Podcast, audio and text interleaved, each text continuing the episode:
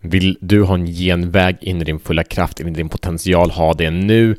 Känna någonting som du antagligen har förtryckt och genom det också nu kunna nå mer kärlek, förståelse, medkänsla för dig själv och andra. Det ska vi snacka om idag. Välkommen till Show the Fuck Up Podcast. Jag heter Mattias Fyrön. Det här är en podcast för män som är redo att frigöra sin inre kraft, leva det autentiska liv, göra skillnad för sig själv och andra. Du är på rätt plats, du är här, du är precis där du skulle vara. Innebär också att allting som har skett fört dig hit till precis det som skulle ha skett. Tack! Boom!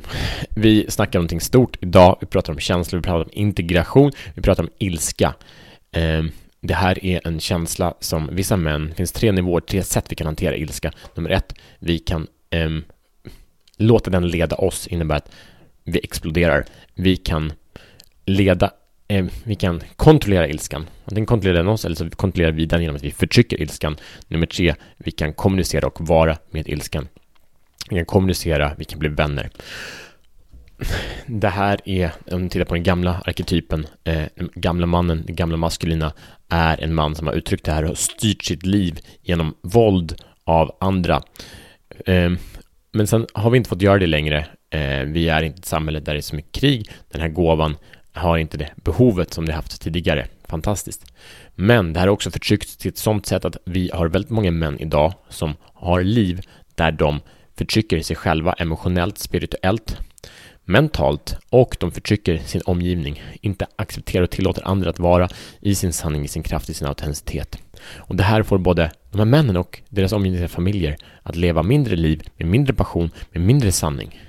Kosten är enorm. Det kommer ut genom pikar, genom missnöje, genom frustration, om den är sexuell eller vad den nu är. Hur är din relation med din ilska? Hur är din relation med din urkraft? Hur kan du tillåta den här ilskan att komma fram på ett sätt som inte skadar dig själv och andra, utan på ett sätt som när dig och andra? Hur kan den här kraften som finns i ilskan fungera för dig och inte mot dig?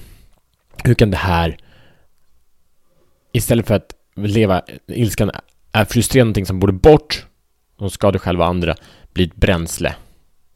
Hur kan du använda den här kraften i din mission, i den sanningen, i det som är viktigt i ditt liv, för att leva dina värderingar, för att göra den skillnad, för att skapa det uttryck, bygga det, den, den familjen, den verksamhet, den skillnad du vill göra i världen. Hur kan du kanalisera kraften i ilskan för att göra det?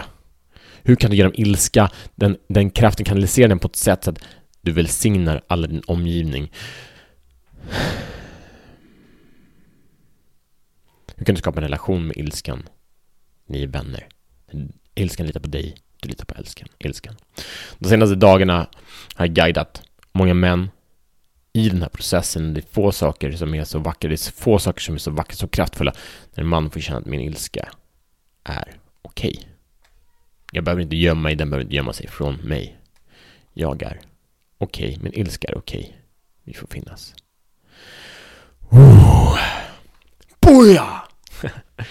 okej, din utmaning om du väljer att acceptera den är att känna in på din ilska. Din utmaning om du väljer att acceptera den är att ta kontakt med din kraft. Att se hur kan du använda den ilskan? Hur kan ilskan vara någonting som sker för dig och inte mot dig? Hur kan du använda den kraften, din ilska, för att välsigna världen? Dela den här episoden med en man som är lite för arg på ett dåligt sätt, på ett destruktivt sätt som förstör för honom och andra. Alltså skapar inte de relationer som han vill ha. Bjud in honom och lyssna på den här episoden. Hans liv, ditt liv kan transformeras när fler män går in och tar ägandeskap över sin egen sanning.